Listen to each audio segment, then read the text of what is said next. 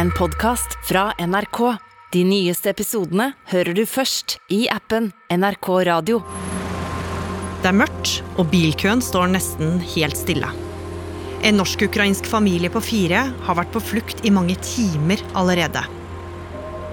Ukraina har akkurat blitt angrepet av russiske styrker, og de vil komme seg hjem, til Oslo og i sikkerhet. Men sånn blir det ikke. Når de kjører over grensa til Polen, er familien på fire blitt til tre. Og med det starter kampen for å få pappa hjem. Du hører på Oppdatert. Jeg heter Gry Baby. Vi kjøpte flybilletter i januar, og vi gledet oss veldig mye. Barna var hoppet av glede når vi kjøpte billetter og fortalte dem at vi reiser endelig til Ukraina. Julia Martinenko er ukrainsk, men har bodd i Norge i 18 år. Hun er gift med Alex, som også er fra Ukraina, og de bor i Oslo sammen med de to barna sine. En februardag i år var dagen for den etterengta vinterferien i hjemlandet endelig kommet. Barna var helt sånn crazy. De måtte fortest mulig til slektninger og klemme alle. Og vi fikk besøk av alle samlet seg i et sted.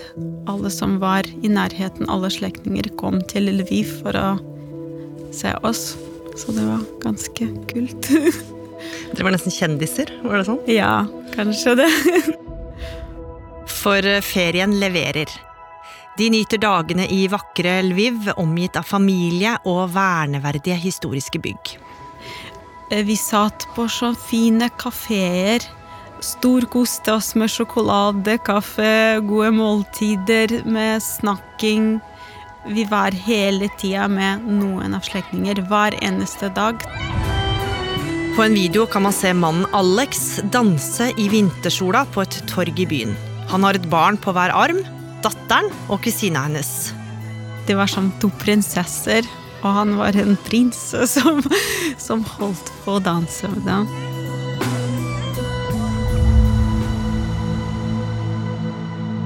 Men mens Julia og familien koste seg på ferie, ulma konflikten med nabolandet Russland mer enn vanlig. Men det merka Julia ingenting til. Det var ingen tegn på at det skal skje noe alvorlig. Ingen kunne tenke seg at det blir krig. Det kan, det, det kan ingen foreslå. Liksom. Det, i, I den verste drømmen kunne vi tenke at det kan bli angrep eller krig. Det var sånn, nei det ikke skjer, liksom. De siste vinterferiedagene nytes med familie og venner. Etter nesten en uke i Lviv var det snart klart for hjemreise. Men knapt ett døgn før de skulle sette seg på flyet hjem til Norge, skjedde det utenkelige. Russlands president Vladimir Putin sier at han har satt i gang en militær operasjon i Øst-Ukraina. Russland har eh, gått i land med soldater sør i eh, nabolandet og angriper militære anlegg og storbyer med raketter. Nå er det altså i gang det folk her ikke trodde kunne skje, mange her i Kiev. Selv om flere steder i Ukraina var under angrep, var det rolig i Lviv. Men da Julia våkna som vanlig klokka sju den morgenen, la hun merke til at ikke alt var helt som normalt. For fra gata hørte hun merkelig støy. Vi våkna av uh, lyder fra utesiden. Det er mange som ropte i sånne uh, ropeter. Vi hørte ikke hva det var, fordi det er så vanskelig å høre akkurat det de sier. Men det som vi hørte, var mobilisasjon, samle, mobilisasjon, kom, samle. Og så vi skjønte at noen samler folk til noe. Og så når jeg har slått på mobilen, så kom meldingen fra mammaen min. Våkne opp, det starta krig. Og så var det liksom Hæ? Det er liksom Det er en spøk, eller hva, hva, liksom, hva mener hun? Da slått ut på nyhetene og sånn.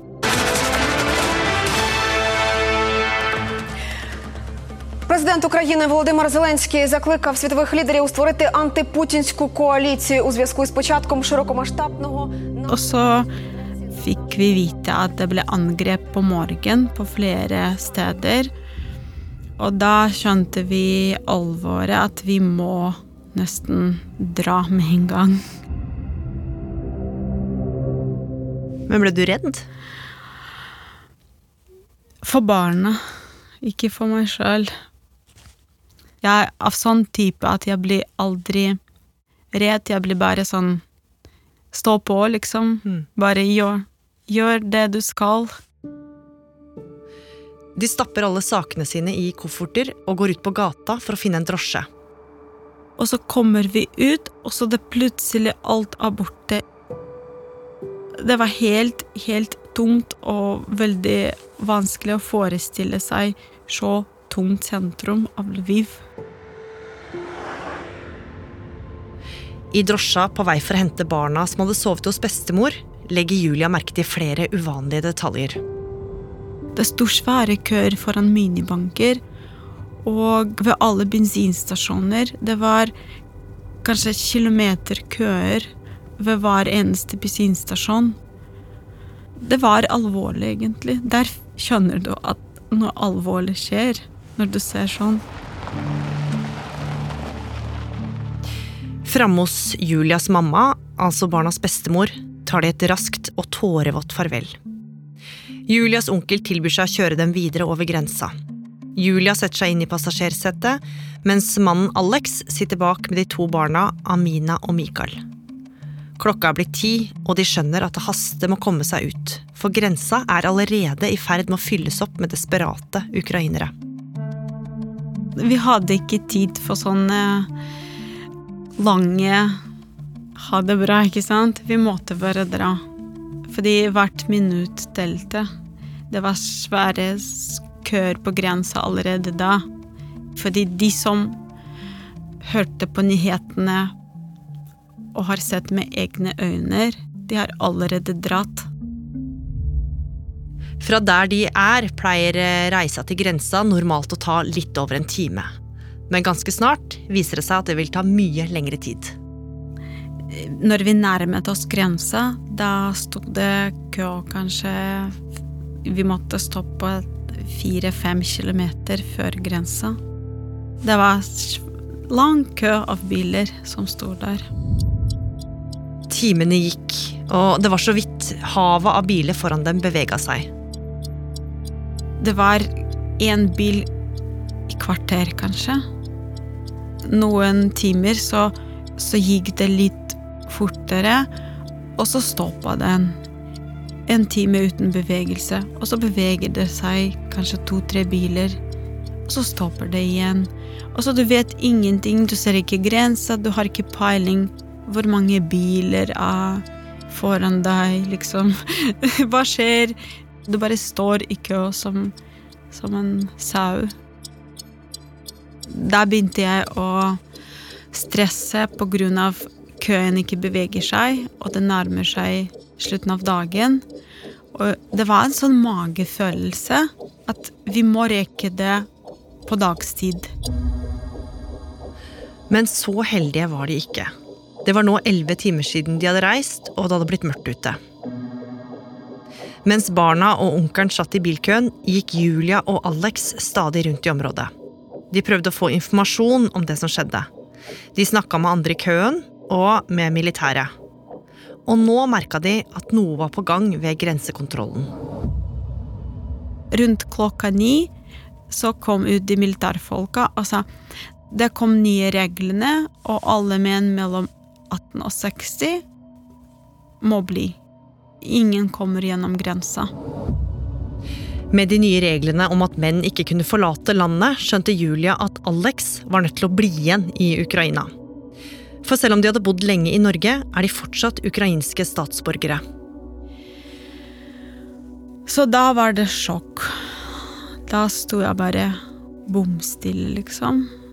Jeg skjønte ikke hva vi skal gjøre nå, fordi vi sto liksom Det er én kilometer igjen til grensa. Nå må jeg finne utveien. Jeg må finne en løsning. Det kan ikke skje med oss. Vi kan ikke splittes, rett og slett. Det er ikke tilfelle, liksom. Hvordan reagerte Alex på beskjeden? Han var egentlig også sjokkert, så jeg måtte gi ham stor klem. Så jeg sa vi er sammen, vi finner ut veien. Men hva sa dere til barna? Vi sa det som har skjedd, at eh, det er ikke lov for pappa å dra nå, så pappa må bli litt igjen med bestemor i Lviv og passe på dem køen begynte å bevege seg, så vi måtte bare dra, rett og slett. Husker du det siste du så av han? Han vinker meg. Bare Han sa elsker deg', og så vinka han meg, så jeg måtte bare vinke tilbake. Og så slå døra ja, og dra, rett og slett. Mens Julia, de to barna og onkelen som var over 60 dro videre, satte Alex seg i en annen bil og kjørte inn i land igjen. Uten pappa Alex fortsatte turen mot Polen. Klokka to om natta kryssa de grensa. Etter nesten 15 timer på veien var de endelig i trygghet. Vi kjørte nesten hele natta til Krakow. Jeg sov ikke eneste minutt. Jeg klarte ikke å sove, men jeg var så stressa, men jeg holdt meg sammen til vi kom til flyplassen. Da klarte jeg ikke mer å holde meg sammen, så da brøt jeg helt ut. Jeg bare satt og gråt. Kanskje i to timer. Bra at ingen kom til meg. Var det ingen som kom til deg? Nei. Nei, fordi jeg kunne ikke snakke om det. Jeg måtte bare gråte ut det som skjedde siste to dager, liksom. Etter ferien som ble alt annet enn forventa, kom Julia og barna hjem til et tomt hus i Oslo. Når jeg kom til soverommet, og der står blomster han gitt meg 14. februar, og de står fortsatt på soverommet. og De er liksom det eneste som miner på at det finnes en mann i huset, ikke sant, og bilder på vegger og sånt. Og at vi kommet uten ham, det var helt forferdelig, egentlig. Og den følelsen at du, du vet ikke om han kommer en dag i huset vårt, ikke sant. Og du bare ser på bildene og ser på, på tingene hans, ikke sant. På håndkle og sånt og sånt. De neste dagene skulle krigen i Ukraina bli stadig mer brutal. I dag angrep russiske styrker byen som ligger 20 km fra den russiske grensa. Vi hører drønn fra enten om det er rakettnedslag eller artillerinedslag, vi vet ikke riktig. Det ser ut til at de russiske styrkene med den voldsomme offensiven som nå pågår, i hvert fall fra to kanter, at de er for sterke for det ukrainske forsvaret. Og kommer stadig nærmere feriebyen de nettopp hadde reist fra. I den vestukrainske byen Lviv ber myndighetene borgerne om å væpne seg og bidra til å forsvare byen. Lviv ligger noen mil unna grensa til Polen, der mange prøver å komme seg over og ut av landet. Hvordan er det der nå? Det er et eh, uvirkelig kaos av desperate mennesker som kommer fra øst. De neste to dagene så jeg var en robot uten hjerte, egentlig. Jeg bare gjør det det jeg skal, ikke sant? Alle mine oppgaver med barn og skole og alt sammen, ikke sant? Bare gjorde de tingene som skal gjøres. Og så helt sånn Ingenting i hjertet eller i hodet. Jeg var liksom helt avkoblet på en måte. Heldigvis hadde vi kontakt hele tida, at vi kunne ringe, at det var internett og sånne ting, ikke sant, og telefon. Når vi spiste, så ringte vi ham, så bare late at han sitter med oss ved bordet, sant. Hei, kjære. Hei, Sebbe. Har du sett selv mange militærfolk rundt, eller? Ja, masse militære folk rundt, og så det er masse så det er vanlige folk med våpen. Vær modig. Vi ber for dere alle. Elsker deg. Elsker deg. Men så skulle det skje noe som ga Julia et håp om at Alex kunne komme seg hjem i live. Ukrainske myndigheter innførte nye regler som kanskje kunne hjelpe han til Norge. Alex hadde nemlig noen år tidligere gått inn som verge for Julias bestemor i Ukraina. Med de nye reglene så kunne han forlate landet sammen med henne.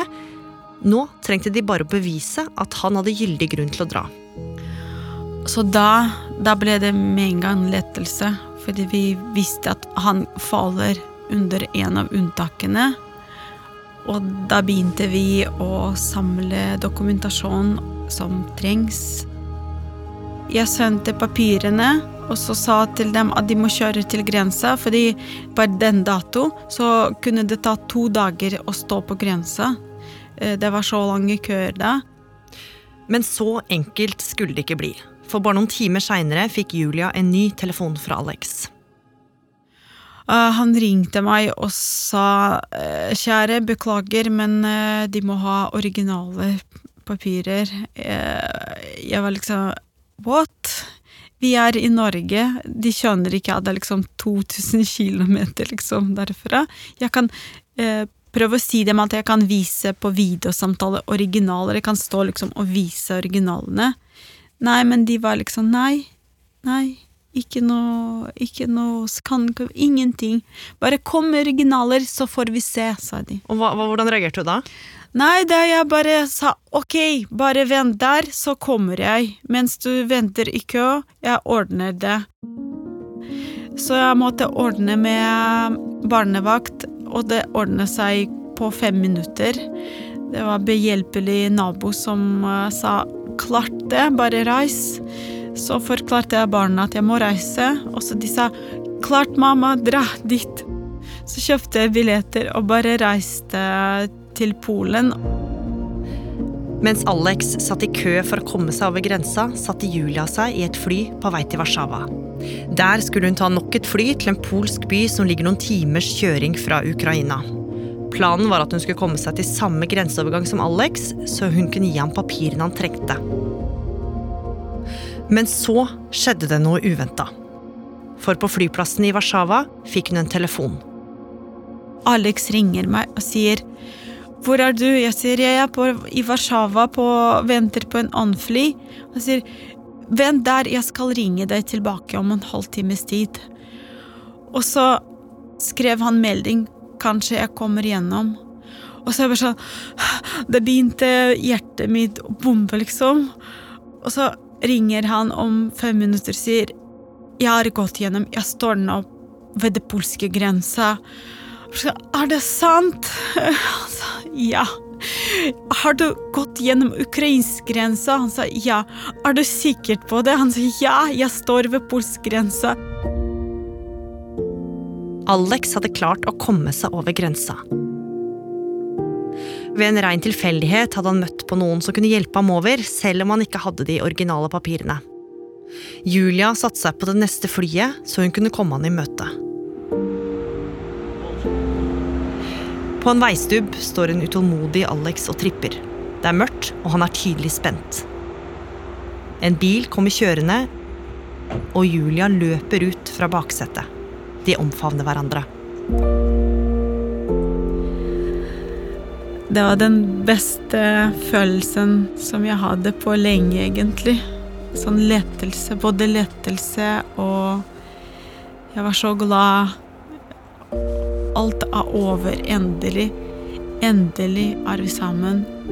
Alt det tungste og mørkeste er over.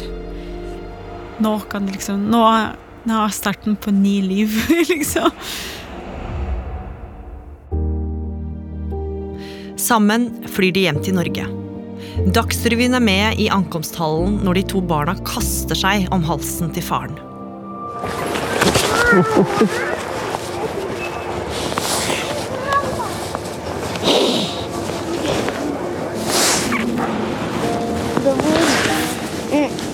Oh, det var helt utrolig. Hvordan var det å se pappa igjen?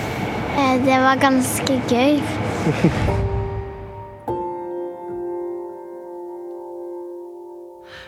For dere så har jo denne historien her endt bra. Dere fikk igjen pappaen deres. Men det er jo mange andre som har fedre som nå slåss i krigen. Kjenner du på dårlig samvittighet for at dere fikk igjen deres pappa? Egentlig den følelsen, den dårlige samvittighet, det er det som Jeg tenkte på det siste dager, at den uansett følger deg, men jeg tror det er ikke korrekt følelse å føle. Fordi hvis vi var i Ukraina nå, så det er ingen bruk av oss der. Vi er ingenting der. Alt vår er her. Våre jobber, vårt hus er her. Her er jeg sterk, men der er jeg bare turist. Mm. Vi tjener eh, ukrainsk folk med vår tid, som vi bruker på å hjelpe flyktninger, å kjøre og hente, samle klær. Ikke sant? Det er der vi har mye muligheter å gjøre for vårt land, ikke sant? Hva tenker du om framtida til Ukraina, da? Jeg håper at den krigen er snart over. Det er alle våre tanker av der at eh, folk skal slutte å dø. Fordi det var absolutt unødvendig i 2022. Alt kan eh, forhandles. Og at Ukraina reiser seg opp igjen.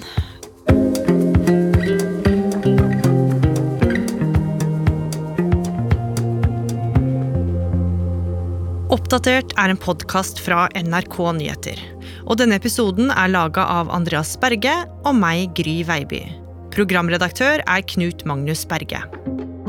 Klippene du har hørt, er fra Bloomberg, Fakta ECTV, NRK og private opptak fra Julia Martinenko og familien hennes. Liker du det du hører, så kan du gjerne tipse en venn om oss. Du kan også kontakte oss på oppdatert krøllalfa nrk.no. Lørdagsrådet. Lørdagsrådet. Enten du sliter med at folk ikke vasker seg på hendene på jobben, eller tror at kjæresten din kanskje er forelska i kompisen din i stedet, så kan vi hjelpe deg. Vi kan også hjelpe deg med kranglete søsken, elendige naboer, problemer i kollektivet, kjærlighetssorg, utroskap, forelskelse, forslag til straff, slemme venninner, fraværende fedre, fraværende mødre og faren til venninne som plutselig dukker opp på Tinder i aldersgruppen 18 år. Og ikke minst, hva gjør man når man ikke tør å bæsje på hyttetur med kjæresten, men ender opp med å kaste bæsjen så den henger fast i busken? Ja, for det har også skjedd. Hver lørdag samler jeg tre kjente fjes og stemmer for å løse problemer sendt inn til oss fra deg der ute. Vi høres! Hør Lørdagsrådet når du vil i appen NRK Radio.